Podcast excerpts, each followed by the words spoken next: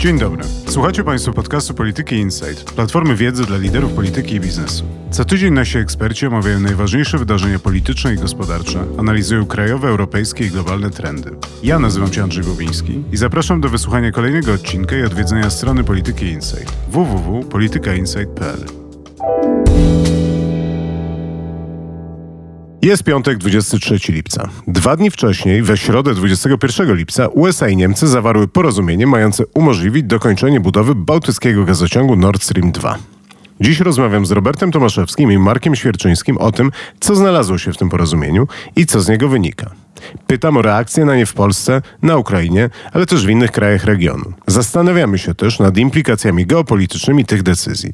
Czy dokończenie budowy gazociągu z przyzwoleniem USA i Niemiec oznacza, że za parę miesięcy obudzimy się w innym, bardziej niebezpiecznym świecie? W drugiej części pytam doktora Piotra Łukasiewicza, co to jest Pegasus, jak działa, kto go zrobił i po co. A także kto podsłuchuje kogo za pomocą Pegasusa i skąd my o tym wiemy. Wreszcie zadaję fundamentalne pytanie. Pegasus, a sprawa polska. Zapraszam na rozmowę. Robercie, to może zacznijmy od spraw podstawowych. Czy i dlaczego Nord Stream 2 jest groźny i dla kogo? Nord Stream 2 jest groźny przede wszystkim dla Ukrainy, która po jego uruchomieniu utraci możliwość tranzytu rosyjskiego gazu do Europy. Z tego tytułu czerpie bardzo duże przychody, szacowane na 1,5 do 3 miliardów dolarów rocznie. No i uruchomienie tej magistrali będzie wymagało ze strony ukraińskiej no, wypełnienia czymś tej dziury, która powstanie w budżecie. A dla Polski? Dla Polski jest e, również problematyczny, ponieważ również transportujemy rosyjski gaz poprzez gazociąg jamalski. No i magistrala będzie okrążała nasz kraj, wychodziła w Niemczech. Tamten gaz będzie rozprowadzany po całej Europie, czemu Polska się do tej pory bardzo mocno sprzeciwiała, wyrażając to oczywiście w dialogu z Amerykanami i z Niemcami. No dobrze, ale takim głównym straszakiem, który najczęściej był podnoszony w ostatnich latach i w kontekście Nord Stream 1 i w kontekście Nord Stream 2, to jest perspektywa wyłączenia kurka z gazem, zakręcenia go i doprowadzenia do sytuacji, w której Polska, Ukraina, a może inne kraje też z regionu, nie będą miały gazu, który jest potrzebny do, nie wiem, przeżycia zimy na przykład. Czy to nadal jest zagrożenie dla Polski, Ukrainy i regionu? Dla Polski w mniejszym stopniu, ponieważ mamy coraz bardziej zdywersyfikowane drogi dostaw gazu do naszego kraju, czy to poprzez terminal LNG, czy wkrótce w przyszłym roku mający zostać otwarty gazociąg Baltic Pipe. Ale z drugiej strony no, ten popyt na gaz w Polsce będzie gwałtownie rósł w ciągu tych najbliższych lat w związku z coraz szybszym odchodzeniem od węgla, więc gaz będzie no, strategicznym paliwem, no i źródła jego dostępu będą bardzo interesowały Warszawę. To też jest oczywiście kwestia związana z umocnieniem się Rosji na europejskim rynku gazu, co coś, czemu Warszawa, ale też oczywiście Kijów bardzo mocno się w tych ostatnich latach sprzeciwiał. No i te porozumienie niemiecko-amerykańskie otwiera drogę do tego, żeby Rosja znacząco wzmocniła swoją pozycję na europejskim rynku energii. To jeszcze zanim przejdziemy do porozumienia, mam jeszcze jeden taki zestaw argumentów, który jest poruszany. To jest kwestia konkurencyjności gospodarek, które czerpią i korzystają z niskich cen gazu. To jest argument, który postuluje, że dzięki taniemu rosyjskiemu gazowi Niemcy będą mogli taniej wytwarzać różne produkty, czy w po prostu przemyśle ciężkim, czy na przykład nawozy i tym samym staną się bardziej konkurencyjni od polskich firm. Z drugiej strony my będziemy kupowali droższy gaz prawdopodobnie, który będzie płynął gazociągiem Baltic Pipe, kiedy ten zostanie ukończony.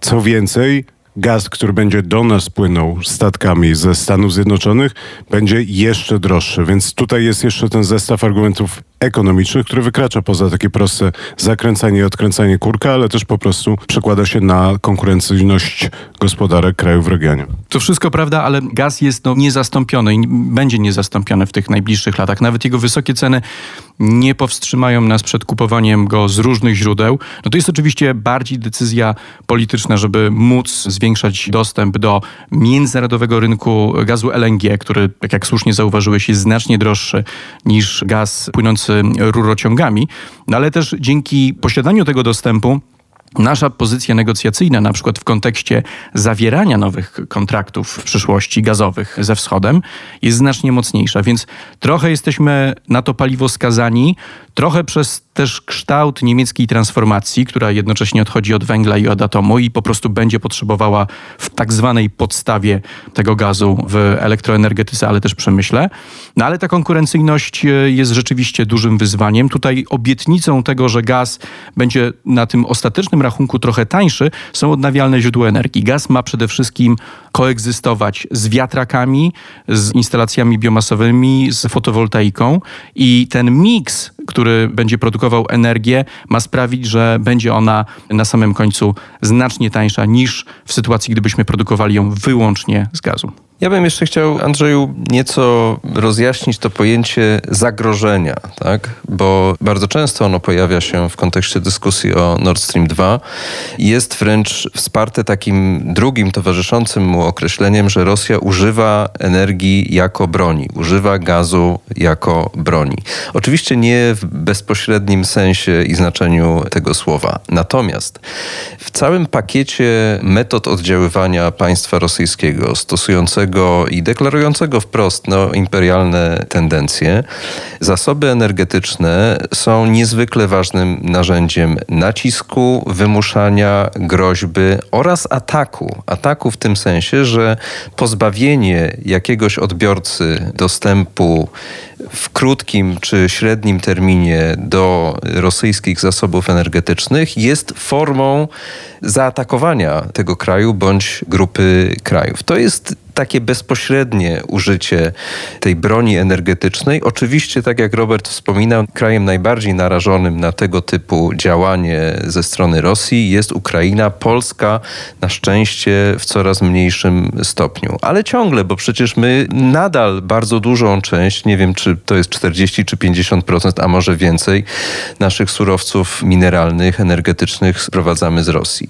To jest pierwszy poziom tego zagrożenia. Drugi poziom tego zagrożenia wiąże się z tym, że znowu o czym Robert wspominał, Rosja głębiej czy też mocniej kotwiczy się w relacji strategicznej głównie do zachodniej Europy. Co to oznacza? Po pierwsze oznacza to, że kolejna strategiczna instalacja rosyjsko-zachodnioeuropejska przebiega na północ od Polski przez Morze Bałtyckie. No i nie czarujmy się, taką instalację trzeba będzie chronić trzeba będzie chronić, a może trzeba będzie jej również bronić.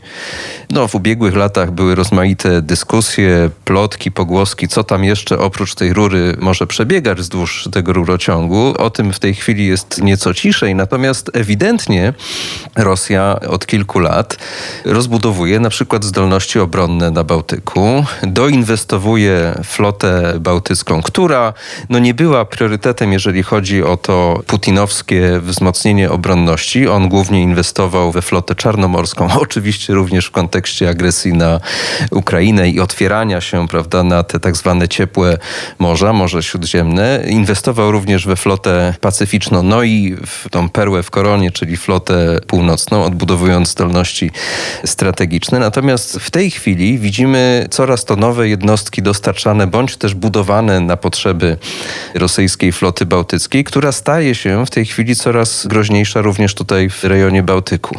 No i niestety można powiedzieć, że to strategiczne powiązanie z krajami Europy Zachodniej, głównie z Niemcami, powoduje również to, że w którymś momencie na przykład rząd w Berlinie może stanąć przed dylematem, prawda? Co jest dla nich ważniejsze, jeżeli chodzi o rozwijanie zdolności obronnych i kierowanie polityką zabezpieczania interesów państwa. Czy dla nich ważniejsze są interesy związane z układem transatlantyckim, natowskim, europejskim, sojuszniczym, regionalnym w tym wymiarze prawda, tradycyjnym, jakim byśmy go chcieli widzieć? Czy może ważniejsze są właśnie te interesy nowe, których wyrazem jest to strategiczne połączenie z Rosją? I tutaj szczerze powiedziawszy, ja bym nawet stwierdził, że to jest dla nas większe zagrożenie niż to zagrożenie bezpośrednie, ten pistolet gazowy przystawiony do głowy, no bardziej w tym momencie Ukrainy. Ja bym tylko dodał od siebie, że warto też wyjść w myśleniu na temat tej rury poza perspektywę gazu. Pamiętajmy, że Unia jest na drodze do neutralności klimatycznej. Będziemy w kolejnych latach coraz bardziej ograniczać zużycie paliw kopalnych. No teraz będziemy potrzebowali więcej gazu, no ale w perspektywie następnych trzech dekad ten gaz będzie tracił na znaczeniu, ale Rosja, mając taką infrastrukturę na Bałtyku, będzie mogła na przykład wykorzystać ją w przyszłości do eksportu wodoru do Unii Europejskiej. Wodoru produkowanego na przykład w elektrowniach jądrowych, czyli wodoru bezemisyjnego. I mając taką twardą infrastrukturę, tę magistralę, ma gotową, otwartą autostradę do tego, żeby móc zaistnieć na tym rynku energetycznym Unii w kolejnych dekadach, kiedy on będzie przechodził przeobrażenie związane właśnie z transformacją energetyczną. No dobrze, to to już wiemy, to teraz proponuję, żebyśmy przeszli do samego porozumienia. Panowie, co w tym porozumieniu się znalazło i co z niego wynika? Zadeklarowana jest ochrona niezależności Ukrainy przez Stany Zjednoczone i Niemcy, tutaj podkreślona jest integralność terytorialna i niepodległość tego kraju. Stany Zjednoczone mają wesprzeć proces w ramach czwórki normandzkiej po to, żeby jak najszybciej rozwiązać konflikt w Donbasie. Więc gwarancja dla Ukrainy. Druga rzecz to jest groźba pojawienia się nowych sankcji wobec Rosji, jeśli ta postanowi wykorzystać energię, no i tutaj oczywiście w tym kontekście Nord Stream 2 i gaz jako broń geopolityczną przeciwko Europie Środkowej, Ukrainie i państwom regionu. Trzecia rzecz to jest zobowiązanie do tego, by Nord Stream 2 działał w zgodzie z europejskim prawem. Tutaj Berlin się zobowiązuje do tego, że będzie przestrzegać litery i ducha unijnego trzeciego pakietu energetycznego. To jest bardzo ciekawe zobowiązanie, ponieważ ono zmusi w pewnym momencie Gazprom do tego, żeby dostosował funkcjonowanie magistrali bałtyckiej do unijnych regulacji, czyli na przykład wdrożył przejrzyste zasady wydawania opłat za przesył, rozdzielił funkcje operatorskie od właścicielskich, co oznacza, że operator gazociągu nie będzie mógł być powiązany kapitałowo z dostawcą gazu, czyli z Gazpromem. No i wreszcie trzecie zobowiązanie to jest udostępnienie przepustowości rury stronom trzecim. Ostatnie dwie kwestie, czyli pomoc dla ukraińskiej transformacji. Ma być powołany specjalny zielony fundusz, który z budżetem około miliarda dolarów będzie wspierał dekarbonizację ukraińskiej energetyki, budowę odnawialnych źródeł energii, inwestycje w efektywność energetyczną. No i ostatnim zobowiązaniem jest to, że Berlin zaangażuje się w negocjacje nowej umowy tranzytowej pomiędzy Ukrainą i Rosją. Aktualny dokument wygasa w 2024 roku. Berlin zobowiązał się, że najpóźniej od 1 września zaangażuje się w te rozmowy. Chodzi o to, żeby wynegocjować nową umowę, która zapewniłaby jakiś transfer gazu rosyjskiego przez Ukrainę. To jest o tyle istotne, że no z jednej strony Kijów, tak jak wcześniej wspomnieliśmy, czerpie bardzo duże przychody z tytułu opłat tranzytowych, no ale z drugiej strony potrzebuje też pewnej ilości gazu ze wschodu po to, żeby utrzymywać utrzymywać dobrze funkcjonujący swój system gazowy, który jest jednym z największych na kontynencie. To jest potrzebne między innymi do tego, żeby Kijów miał możliwość ściągania gazu z zachodu za pomocą tak zwanego wirtualnego rewersu. Bez gazu z Rosji Ukraina obecnie nie jest w stanie ściągnąć całego swojego zapotrzebowania na ten surowiec poprzez zachodnie interkonektory i musi część tego surowca odbierać po prostu z kierunku wschodniego. Ostatnim punktem, które porusza to porozumienie jest wsparcie dla Trójmorza. Tutaj Niemcy deklarują zaangażowanie blisko 2 miliardów dolarów, tak zwane projekty PCI, czyli projekty wspólnego zainteresowania. To jest głównie infrastruktura energetyczna, mająca integrować kraje europejskie, jeżeli chodzi o przesył gazu, energii elektrycznej i tak dalej. Więc no to jest coś dla Polski. Tutaj Warszawa zawsze bardzo mocno wspierała, żeby Unia była maksymalnie hojna, jeżeli chodzi o inwestowanie w tego rodzaju przedsięwzięcia. I teraz jest tak, że w ostatnich dniach i godzinach przetacza się w Polsce fala krytyki dotycząca tego porozumienia. Natomiast ja bym chciał zwrócić uwagę na kilka jego punktów, również na to, czego w nim nie ma. No, jest ten pierwszy punkt, zdaje się, że najważniejszy, który de facto ustanawia coś w rodzaju bliskiej relacji sojuszniczej Ukrainy z Niemcami pod patronatem amerykańskim. Bo jeżeli znajdujemy w tym dokumencie zapis o tym, że Niemcy zobowiązują się do wspierania integralności terytorialnej i niezależności Ukrainy, to trzeba sobie zadać pytanie, jak głębokie i jak konkretne jest to zobowiązanie. Oczywiście Ukraina nie należy do NATO ani nie należy do Unii Europejskiej, w których to organizacjach no, obowiązują klauzule nawet o, o wspólnej kolektywnej obronie.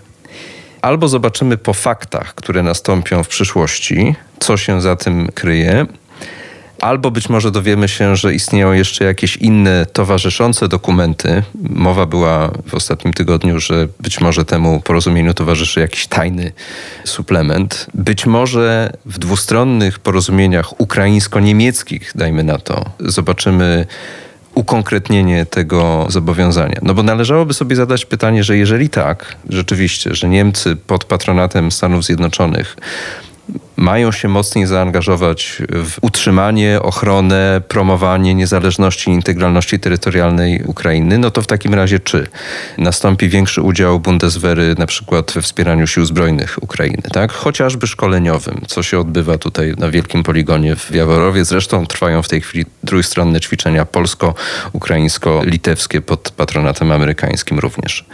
Czy Niemcy będą sprzedawać Ukrainie broń? W Niemczech toczy się na ten temat ogromna ogromna debata polityczna.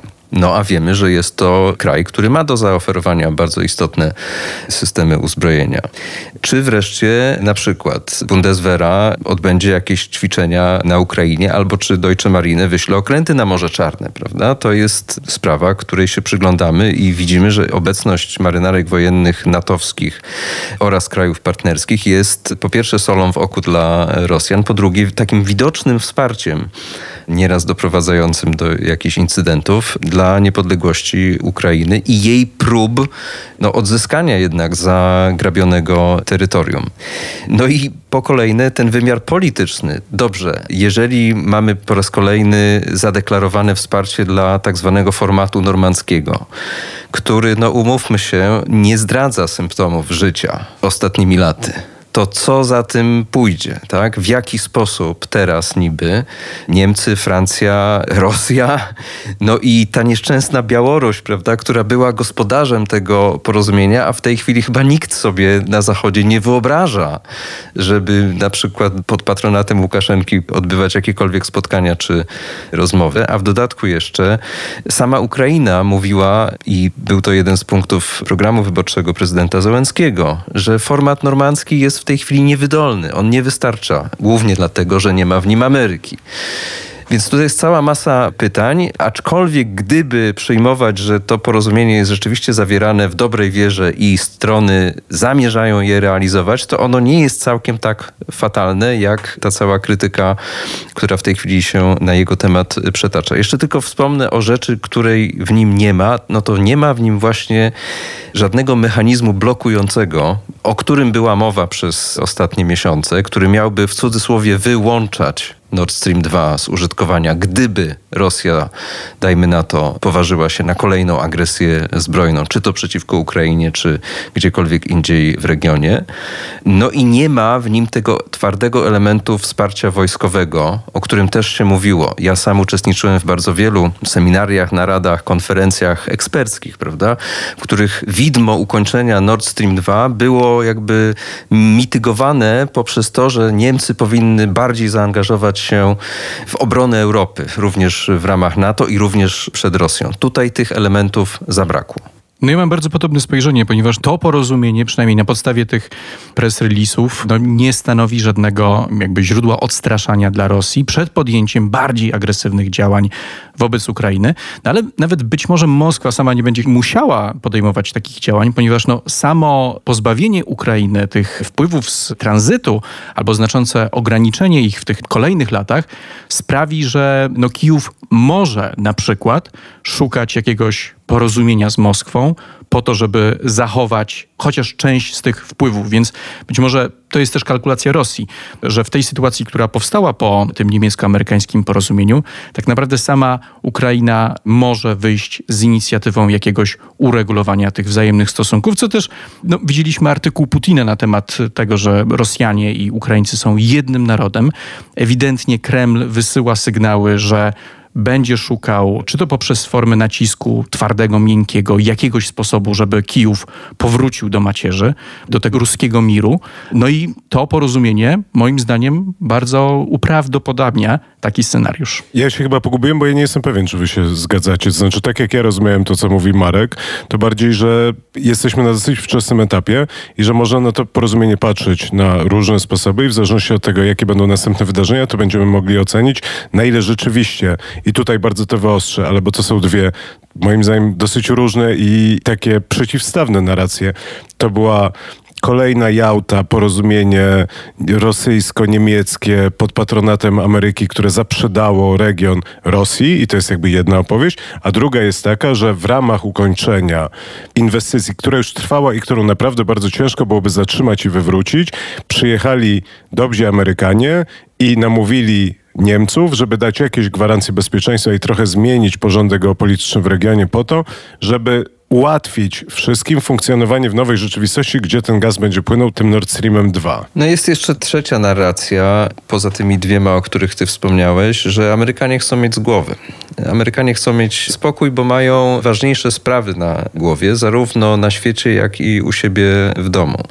I ewidentnie od czasu zmiany administracji Amerykanie stawiają na Niemcy jako głównego rozgrywającego nie tylko ich interesów, ale w ogóle porządku europejskiego.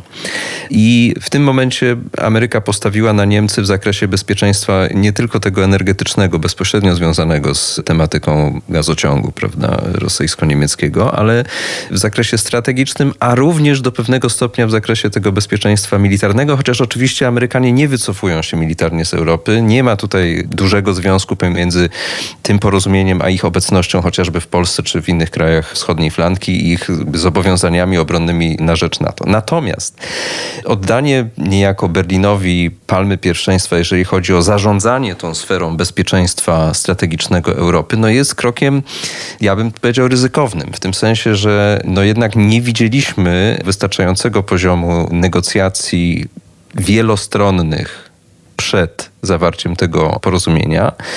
Wydaje się, że również ta podróż po krajach regionu Kijów, Warszawa Dereka Szoleta, czyli no bardzo bliskiego współpracownika sekretarza stanu Antoniego Blinkena, ona nastąpiła już po momencie dogadania tego porozumienia, wręcz jakby w chwili jego publikacji, przynajmniej tych komunikatów prasowych. I nie wiem, szczerze mówiąc, czy było tam miejsce na jakieś dodatkowe negocjacje. To się może okazać, prawda, w najbliższym czasie. Sprawa pewnie nie jest jeszcze całkowicie zamknięta. Wiemy, że ze strony ukraińskiej pojawiły się po pierwsze głosy niezadowolenia, oburzenia wręcz. Kijowskie gazety krzyczą o zdradzie na swoich nagłówkach i wiemy, że wizyta prezydenta Zełenskiego w Białym Domu została przesunięta z terminu lipcowego na koniec sierpnia, więc wydaje się, że jest tutaj pewna przestrzeń do dodatkowych negocjacji. No ale jednak miało miejsce coś na kształt porozumienia ponad naszymi głowami, tak? Więc tutaj ewidentnie no, takie kraje jak Polska i Ukraina są w kłopocie.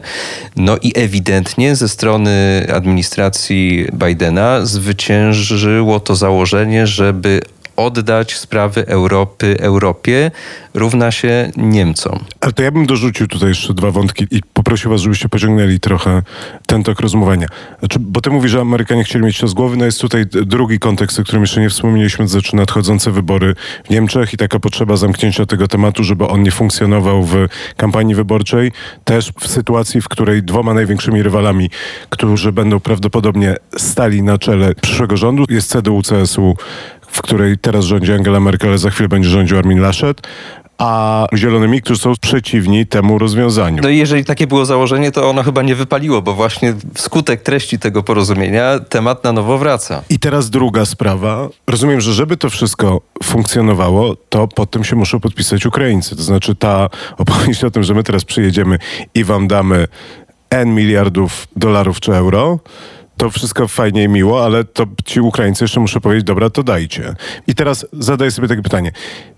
Było oczywiste, że bardzo ciężko było rozmawiać z Warszawą i z Kijowem w tej sytuacji, bo odnoszę wrażenie, że pierwsza rzecz, którą w takich negocjacjach powiedziałaby Warszawa i Kijów, to by było, nie zgadzamy się na dokończenie tej magistrali. Więc może, żeby jednak pójść do przodu, to to, co Niemcy i Amerykanie musieli zrobić, jakkolwiek źle to wygląda i źle to brzmi i też źle się to nam kojarzy, to jest powiedzieć, dogadaliśmy się, a teraz zapraszamy do stołu. Zobaczcie, co możecie z tego wyciągnąć i osiągnąć. No i chyba właśnie dochodzimy, Andrzeju, do clue tej rozmowy, to znaczy w jaki sposób my to rozegraliśmy co robiła, a czego nie robiła polska dyplomacja, jak to było rozwiązane na poziomie i profesjonalnym, i politycznym, gdzie szukaliśmy koalicji, z jaką skutecznością, co z tego mamy i czyja to jest wina, że potoczyło się tak, jak się potoczyło? Pytanie, które ja sobie zadaję i trochę bym spróbował to wyostrzyć i, może tutaj poprosić was o ocenę. Czy to nie jest tak, że my źle oceniliśmy sytuację, że mieliśmy zamknięte kanały dyplomatyczne, nie rozmawialiśmy na ten temat i stojąc bardzo blisko ściany, nie było żadnej przestrzeni do doprowadzenia do sytuacji, w której bieg wydarzeń mógłby inaczej wyglądać. Wydaje mi się, że myśmy wykonali bardzo dużo pracy na rzecz nagłaśniania sprzeciwu, budowania opozycji tak naprawdę wobec tego projektu, komunikowania jego zagrożeń, opowiadania o możliwych skutkach, przestrzegania.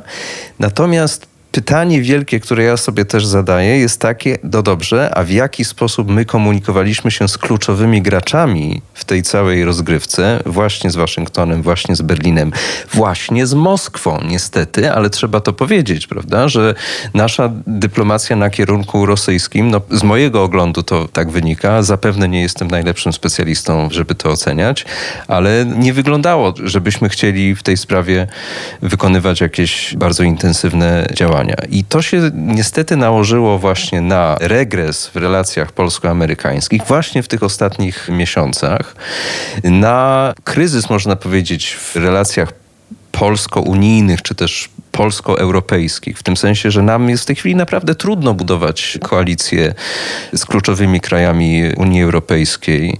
No i efekt jest taki, jaki jest. Zostaliśmy z tym okrzykiem na ustach. On jest głośny, on jest słyszany, tylko że on niestety odbija się od pustki. Na to jeszcze patrzę z punktu widzenia nie tylko tej najwyższej polityki, no bo tutaj faktycznie Warszawa była takim najgłośniejszym przeciwnikiem tej inwestycji i robiła wszystko na tym poziomie retorycznym, żeby zaznaczyć swój sprzeciw, ale no, jednocześnie nasi dyplomaci potrafili i też nasi europarlamentarzyści dopiąć do końca takiej inicjatywy jak na przykład nowelizacja dyrektywy gazowej, która sprawiła, że unijne prawo zostanie rozciągnięte na gazociągi importowe, takie jak Nord Stream 2, czy też nasze wysiłki w unijnych trybunałach. Choćby ostatnia sprawa gazociągu Opal. Została ta sprawa wygrana przez Polskę, a uniemożliwi wykorzystanie lądowej odnogi Nord Stream 2 w 100% przez Gazprom. Tutaj na tej płaszczyźnie faktycznie udało się uzyskać sporo takich małych taktycznych zwycięstw, które znacząco utrudnią Gazpromowi pełne wykorzystanie tej infrastruktury. No oczywiście można dyskutować o tym, czy dało się zrobić więcej, czy gdybyśmy byli mniej histeryczni, bardziej elastyczni we wchodzeniu w te sojusze, czy posunęlibyśmy tę sprawę dalej, ale wydaje mi się, że no, determinacja Berlina od początku była tak duża i determinacja Moskwy równie wielka, no, że my mogliśmy tak naprawdę, no, nie byliśmy w stanie zablokować tego, używając jedynie swojego geopolitycznego firepower.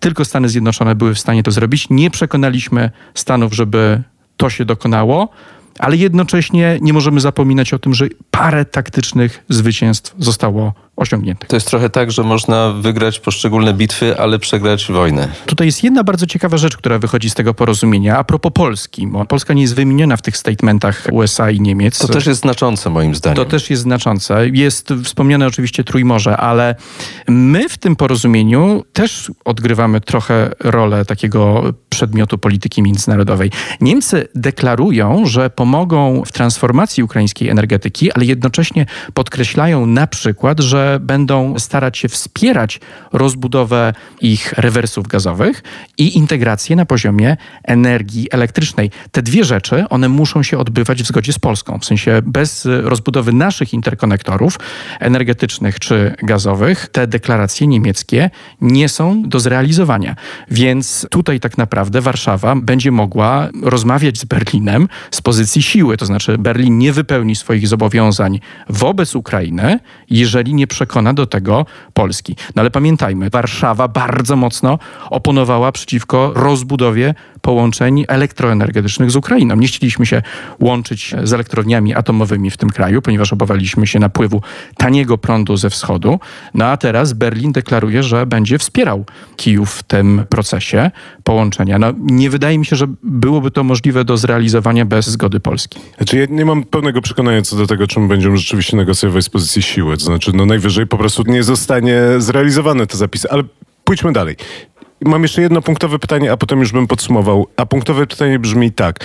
Jak oceniacie taką opowieść o tym, że to przyłączenie się i obietnica dofinansowania inicjatyw wynikających z Trójmorza przez Niemcy to jest ukradzenie Trójmorza przez Niemcy i zabranie trochę naszego takiego ukochanego projektu, który tworzyliśmy razem z regionem pod patronatem Donalda Trumpa. Donalda Trumpa i Stanów Zjednoczonych, a teraz przyjdą Niemcy, rzucą grosze, a my będziemy musieli podporządkować się ich pomysłom i ich też wrażliwości politycznej. No wiem, że taka narracja w tej chwili też funkcjonuje w polskiej debacie publicznej, ale ja tylko przypomnę, że myśmy sami starali się o to, żeby Niemcy zostały w jakiś sposób zaangażowane, włączone, przynajmniej na zasadzie obserwatora tej inicjatywie Trójmorza, no z prostych przyczyn. Inicjatywa Trójmorza w bardzo takim kreślonym grubą kreską obrazku, miała polegać na tym, że fundusze europejskie, bądź też inne fundusze,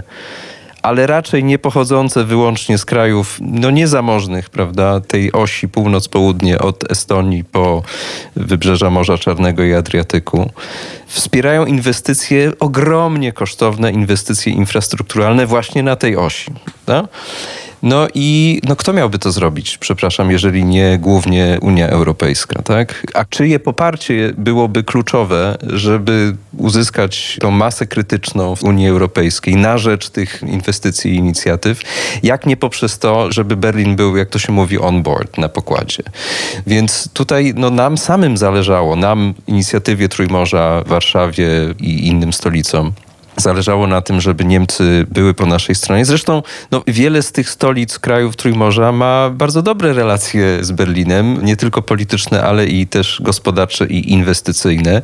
Tutaj no, Warszawa w pewien sposób się wyróżnia, można powiedzieć, więc naprawdę to nikomu nie przeszkadzało. Więc ta narracja jakby o ukradzeniu Trójmorza, ona oczywiście rezonuje w pewnych kręgach tutaj w Polsce, ale sądzę, że nie całkiem podzielają ją wszyscy inni. No dobrze, panowie, to podsumowując. To, co ja zrozumiałem z tego, co mówiliście, to że z jednej strony mamy swoje racje, a może nawet i prawdopodobnie mamy po prostu rację, patrząc na naszą rację stanu. Natomiast wydaje się, że tą sprawę de facto przegraliśmy. Znaczy, ten gazociąg zostanie ukończony i koniec końców popłynie nim gaz.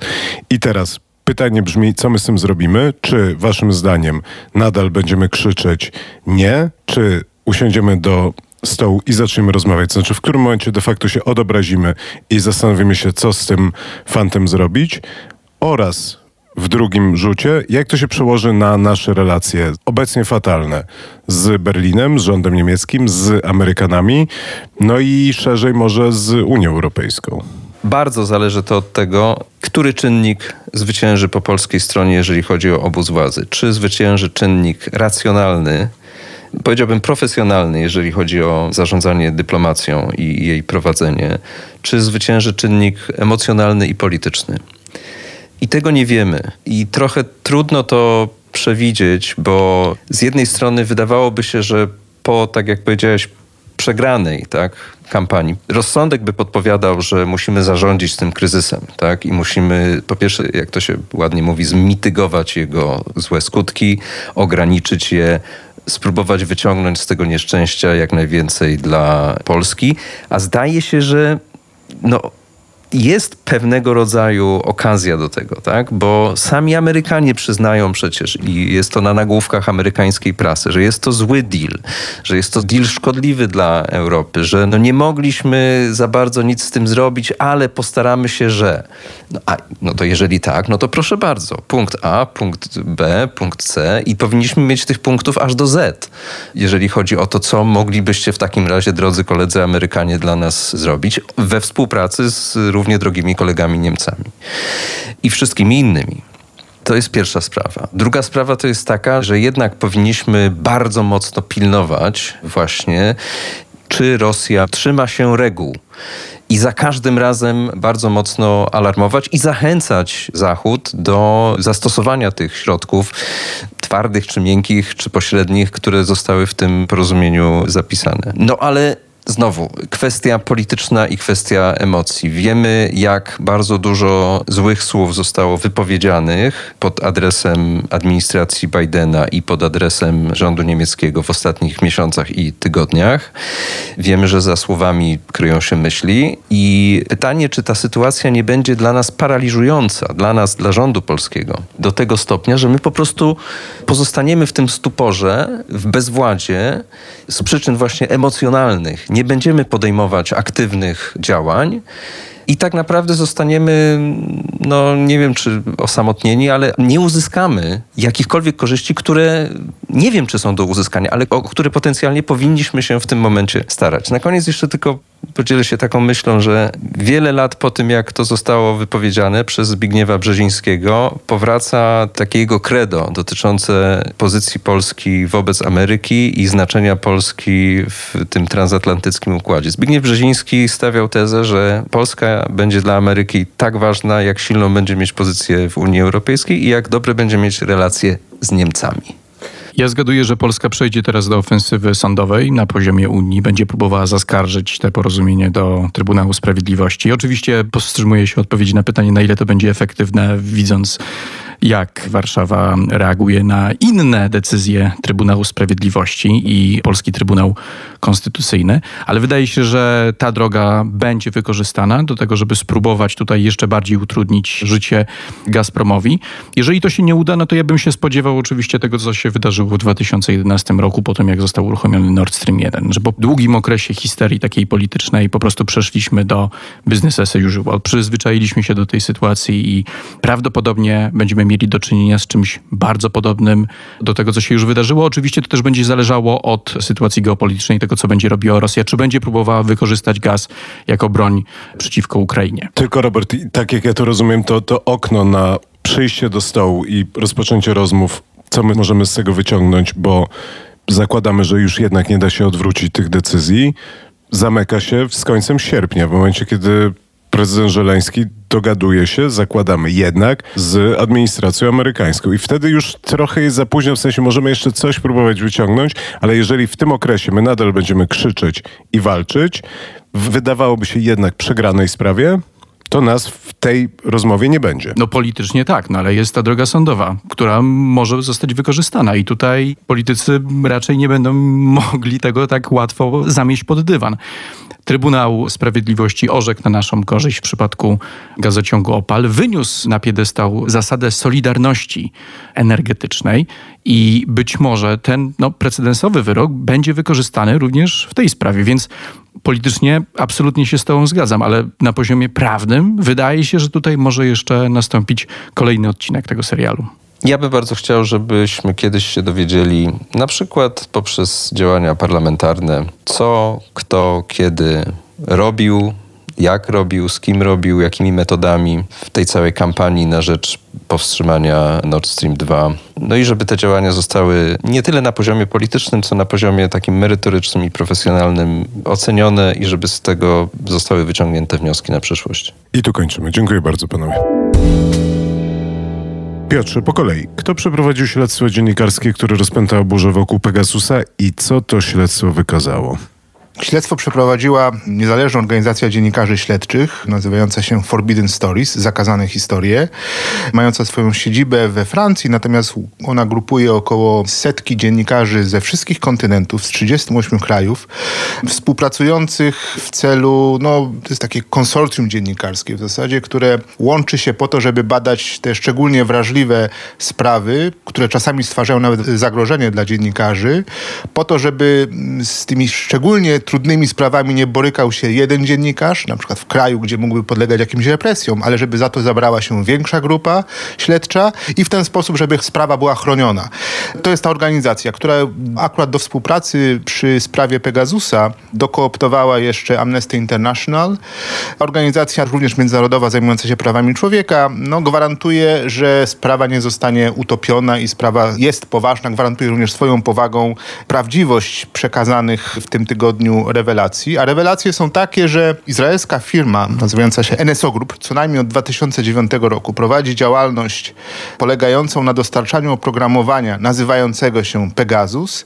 Licencje na to oprogramowanie sprzedawane są głównie służbom specjalnym w 50 państwach całego świata, ale również policji. Klientami tej firmy są instytucje państwowe. Oprogramowanie to pozwala na, krótko mówiąc, na podsłuchiwanie smartfonów. Pozwala w zasadzie dostać się do każdej informacji na iPhone'ie czy na telefonie z Androidem. I to, co wzbudziło największą sensację, że Pegasus pozwala na odczytywanie zaszyfrowanych wiadomości na komunikatorach typu WhatsApp, Signal, Telegram, zaszyfrowanych maili, pozwala na przejmowanie całości komunikacji głosowej, komunikacji wideo prowadzonej przez te smartfony, nawet w sposób szyfrowany.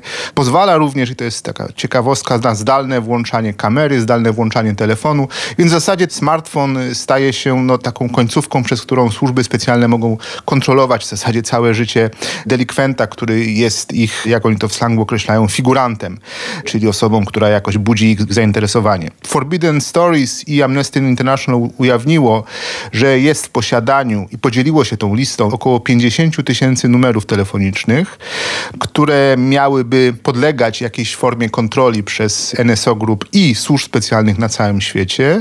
Tą listą podzieliło się z takimi stacjami medialnymi jak The Guardian, New York Times, Washington Post.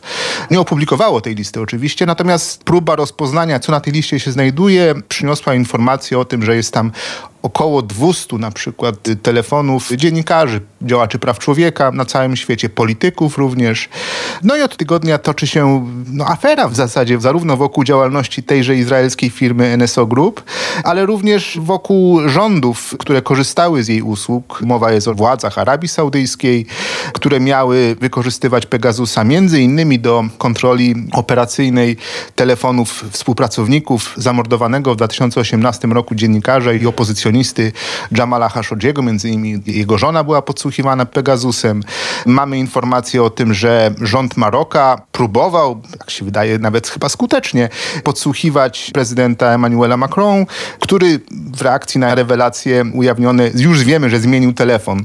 Szczególnie dla nas takim bliskim przykładem jest rząd węgierski, który miał podsłuchiwać dziennikarzy stacji telewizyjnej, radiowej Direct 36, Dobrze, Piotrze, ale to jest tak, że te służby specjalne, które kupowały ten system od NSO Group, podsłuchiwały swoich polityków i swoich przywódców?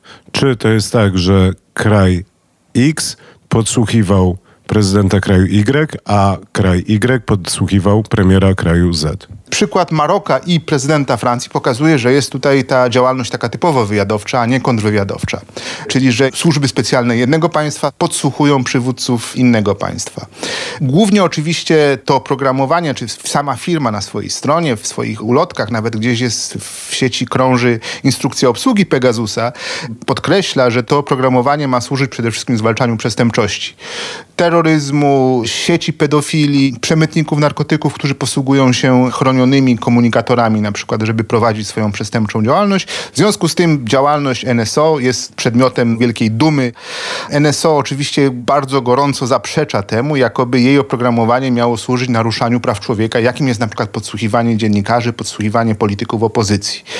NSO zapewnia również, że nie wie, kogo tak naprawdę jej klienci podsłuchują. To są chyba sprzeczne informacje, w sensie jak mówią, że nie służy do tego, ale nie wiemy kogo, to... No, myślę, że od około tygodnia firma przeżywa ostry kryzys wizerunkowy.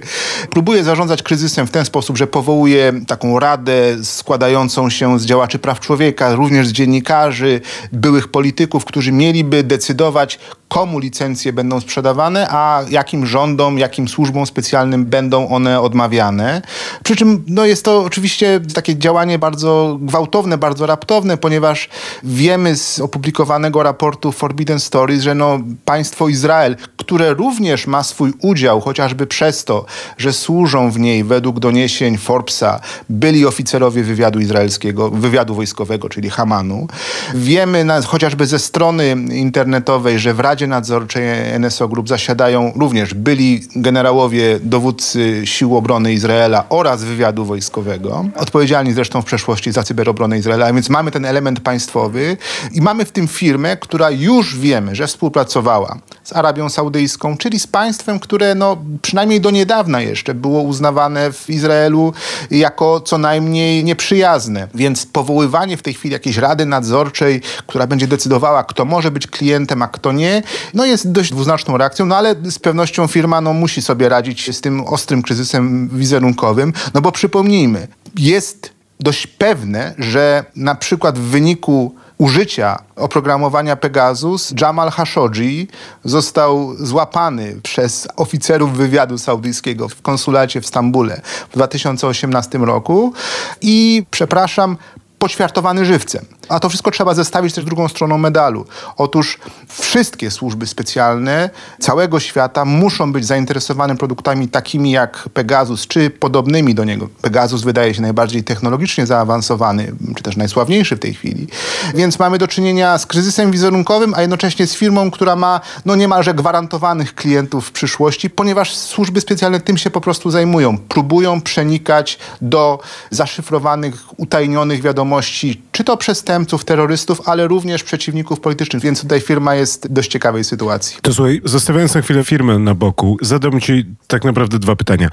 Jedno jest takie dosyć proste. Czy to jest tak, że my i tak i tak wiedzieliśmy gdzieś tam w tyle głowy, że wszystko, co robimy przez telefon, gdzieś ktoś w którymś momencie może słyszeć, widzieć i zinwigilować? To znaczy, na ile te rewelacje, ten moment tydzień temu, który spowodował, że wszyscy złapali się za głowę, nie jest trochę już rozmową o wylanym mleku. Czy to nie jest tak, że my de facto musimy się liczyć z tym, że jeżeli robimy coś przez telefon, to ktoś tego słucha? I chyba dlatego w Polsce przynajmniej tak zwana afera Dworczyka, czyli afera z wyciekiem z skrzynki mailowej Michała Dworczyka wciąż przykuwa więcej uwagi niż rewelacje związane z Pegasusem.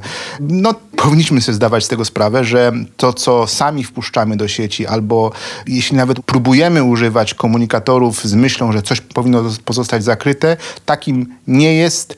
Być może do niedawna jeszcze było, ale na pewno już takie nie jest i z pewnością w coraz szerszym stopniu nie będzie w przyszłości. W sieci nic nie ginie i nic nie pozostaje tajne. Aczkolwiek no, jest coś w tym powiedzeniu, bodajże go użył Jacek Sasin, pytany o Pegasusa w Polsce, że porządni obywatele nie powinni się przejmować. Nie solidaryzuję się specjalnie ze słowami pana Jacka Sasina, natomiast model działania firmy takiej jak NSO Group produkującej Pegasusa i innych tego rodzaju firm polega jednak na pewnym indywidualnym podejściu, z czego wynika, że służby specjalne jakiegokolwiek kraju nie mogą sobie pozwolić na, wspomnieliśmy wcześniej, na takie szerokie zaciąganie sieci. Oprogramowanie takie jak Pegasus po pierwsze jest bardzo drogie, bo to jest około 25-30 tysięcy dolarów za licencję. Więc ono może być skoncentrowane na pojedynczych numerach. No i rzeczywiście chciałoby się ufać, że służby specjalne raczej będą koncentrowały się na terrorystach i przestępcach niż na opozycjonistach.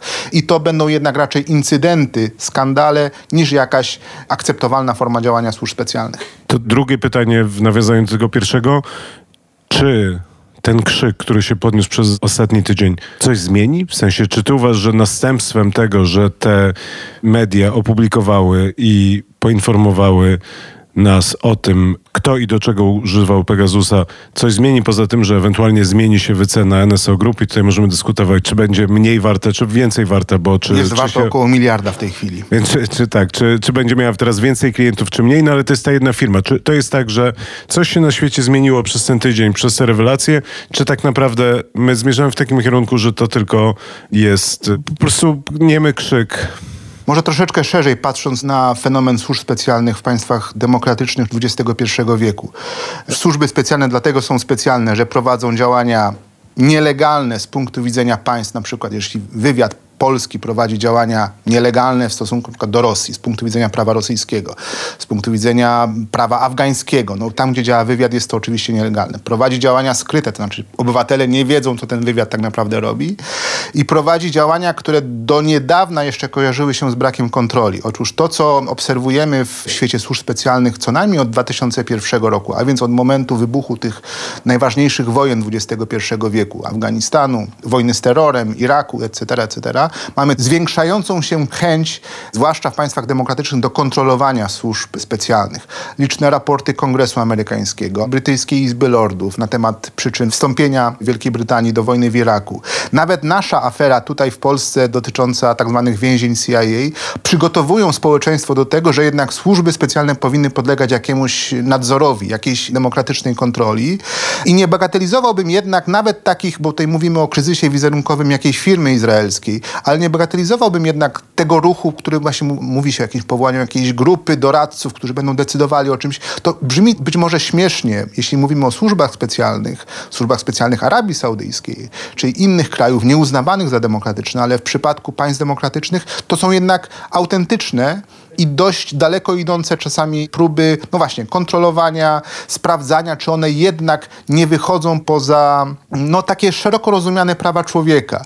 W polskich służbach specjalnych w ostatnich 30 latach panowały niepisane jednak zasady, na przykład o tym, że nie można było werbować dziennikarzy, nie można było werbować księży. No, były to jakieś zawody uznawane po 1990 roku za społecznie ważne. Był to pewien niepisany dogmat w polskich służbach specjalnych, więc jednak to nie jest takie śmieszne, że ktoś próbuje nadzorować te służby i czasami mu się to udaje. Czasami te służby się po prostu przekształcają w tym takim bardziej pożądanym, może nie przejrzystym, bo one wciąż są nieprzezroczyste dla opinii publicznej, ale jednak poddawane jakiejś kontroli i być może właśnie afera taka jak afera Pegasusa będzie kolejną cegiełką do zwiększenia tej kontroli. Tutaj jest o tyle ciekawostka, że nie mamy do czynienia, że o ile klientami NSO były służby specjalne, to samo NSO jest instytucją prywatną. Jest po prostu firmą i to dość bogatą, więc też to mieszanie się prywatnego z państwowym jest również ciekawym znakiem czasów, a tam, gdzie jest ten styk prywatnego z państwowym, no jednak ta potrzeba kontroli jest większa i myślę, że ta afera będzie przyczynkiem, przynajmniej do dyskusji, no bo jednak pokazuje, że to, co miało być ukryte, jednak nie jest do końca bezpieczne przed dociekliwością dziennikarską i dociekliwością organizacji działających w imieniu publicznym. Dobrze, Piotrze, to na koniec chciałem Ciebie zapytać Pegasusa sprawa polska. To znaczy, mam wrażenie, że cała ta historia o Pegasusie rozlała się szerokim echem po mediach światowych i też w Polsce dużo o niej pisano, rozmawiano była to sprawa dosyć głośna. Z drugiej strony nie ma w tych doniesieniach informacji o tym, żeby albo polskie służby, albo polscy politycy czy działacze praw człowieka, dziennikarze byli podsłuchiwani. Z drugiej strony od dłuższego czasu jednak gdzieś tam funkcjonuje w debacie publicznej takie przeświadczenie i taka plotka krąży, że przecież nasze służby kupiły tego Pegasusa, że my go mamy i że on prawdopodobnie jest używany. Więc to, co ciebie chciałem zapytać, to dlaczego nie ma Polski w tych Forbidden Stories i czy to znaczy, że w Polsce nie ma Pegasusa, on jest używany, nie jest używany, o co chodzi? Nie posiadając żadnej insiderskiej wiedzy ze służb specjalnych, na 99% mogę ciebie i naszych słuchaczy zapewnić, że Polska Pegasusa albo podobnego systemu przynajmniej, może nie tak wyrafinowanego, ale jednak podobnego, na pewno używa, ponieważ taka jest logika po prostu służb specjalnych, zwłaszcza zamożnych, a polskie służby specjalne są służbami stosunkowo bogatymi, więc mogą sobie pozwolić na tego rodzaju techniczne nowinki. Mamy też kilka sygnałów pojawiających się w Polsce Polsce co najmniej od 2018 roku, znaczy kiedy zatroskani obywatele maszerowali przez Warszawę w marszach kodu, pojawiła się plotka, że wszystkich nas słuchają, że WhatsApp ani Signal nie są bezpieczne. To nigdy nie zostało ani dostatecznie zweryfikowane, ani potwierdzone, ani też nie było zaprzeczeń. Natomiast takie mruganie okiem przez pana Sasina, który mówił, że jak wspomnieliśmy, porządni obywatele nie mają się czego obawiać. Mrugał okiem miesiąc temu Zbigniew Ziobro, prokurator generalny, mówiąc, że żaden WhatsApp nie pomoże przestępcom. Już nie mrugał okiem, ale NIK w 2019 roku informował o tym, że polskie służby CBA bodajże zakupiło system kontroli korespondencji elektronicznej za 33 miliony złotych. No to są informacje powiedzmy krążące w mediach. Technologiczne dowody na to, że Polska wykorzystuje oprogramowanie Pegasus pojawiły się i w raporcie Forbidden Stories, bo tam pojawia się taki polski adres epaczka.doręczenia.pl. Jeśli klikniesz na ten link, w jakiejś fałszywej wiadomości, na przykład powodowanych ciekawością, jakaż to paczka do ciebie przyszła, możesz niechcący zainstalować to oprogramowanie na swoim smartfonie. Pojawiła się również informacja, że Pegasus działa w ten sposób, że musi istnieć pewna grupa serwerów, na które przesyłane są te wiadomości przechwycone przez oprogramowanie. One gdzieś muszą być przez Wi-Fi, po prostu twój telefon musi je przesyłać, więc są takie grupy serwerów na całym świecie przypisywane klientom. Jedna z tych grup, co ujawniło Forbidden Stories, nazywała się, uwaga, Orzel Biały, więc orły ze służb albo orły z NSO tak nazwały ten serwer, który mógłby odpowiadać za Polskę, więc y, mamy raczej takie dość y, przekonujące techniczne również dowody na to, że operatorzy tacy jak Netia, jak Orange, jak T-Mobile, również ich adresy i ich specyfikacje techniczne pojawiają się w tych logach programów, które obsługuje Pegasus. To są dowody techniczne, może nie bezpośrednie, ale e, wskazujące, że Polska przez tą wielką chmurę zainteresowania Pegasusa się przewija. No, równie dobrze może to dotyczyć po prostu ludzi, którzy przyjeżdżają na chwilę do Polski, logują się ze swoim telefonem, na przykład na polskim terytorium. No, taka też może być również sytuacja. Natomiast no, bezpośrednim domniemaniem jest to przekonanie, że służby specjalne muszą korzystać z tego rodzaju rozwiązań, również polskie, ponieważ chcą wiedzieć po prostu, co robią figuranci w sposób utajniony. Szyfrowania WhatsAppa, szyfrowania Signala, tego rodzaju komunikatorów nie da się złamać przy pomocy dostępnych w tej chwili środków technicznych, więc trzeba korzystać z takich rozwiązań, a Pegasus to umożliwia, żeby przechwycić komunikację jeszcze przed zaszyfrowaniem. Czyli po prostu wgrać wirusa do, twojego telefonu i zanim twój głos zostanie przekazany już zaszyfrowany, no to przekazać to wcześniej do służb specjalnych. Dziękuję bardzo, Piotrze. Na dziś to już wszystko. Zapraszam w przyszłym tygodniu na kolejny odcinek podcastu Polityki Insight. W międzyczasie odwiedźcie naszą stronę internetową www.politykainsight.pl. Do usłyszenia.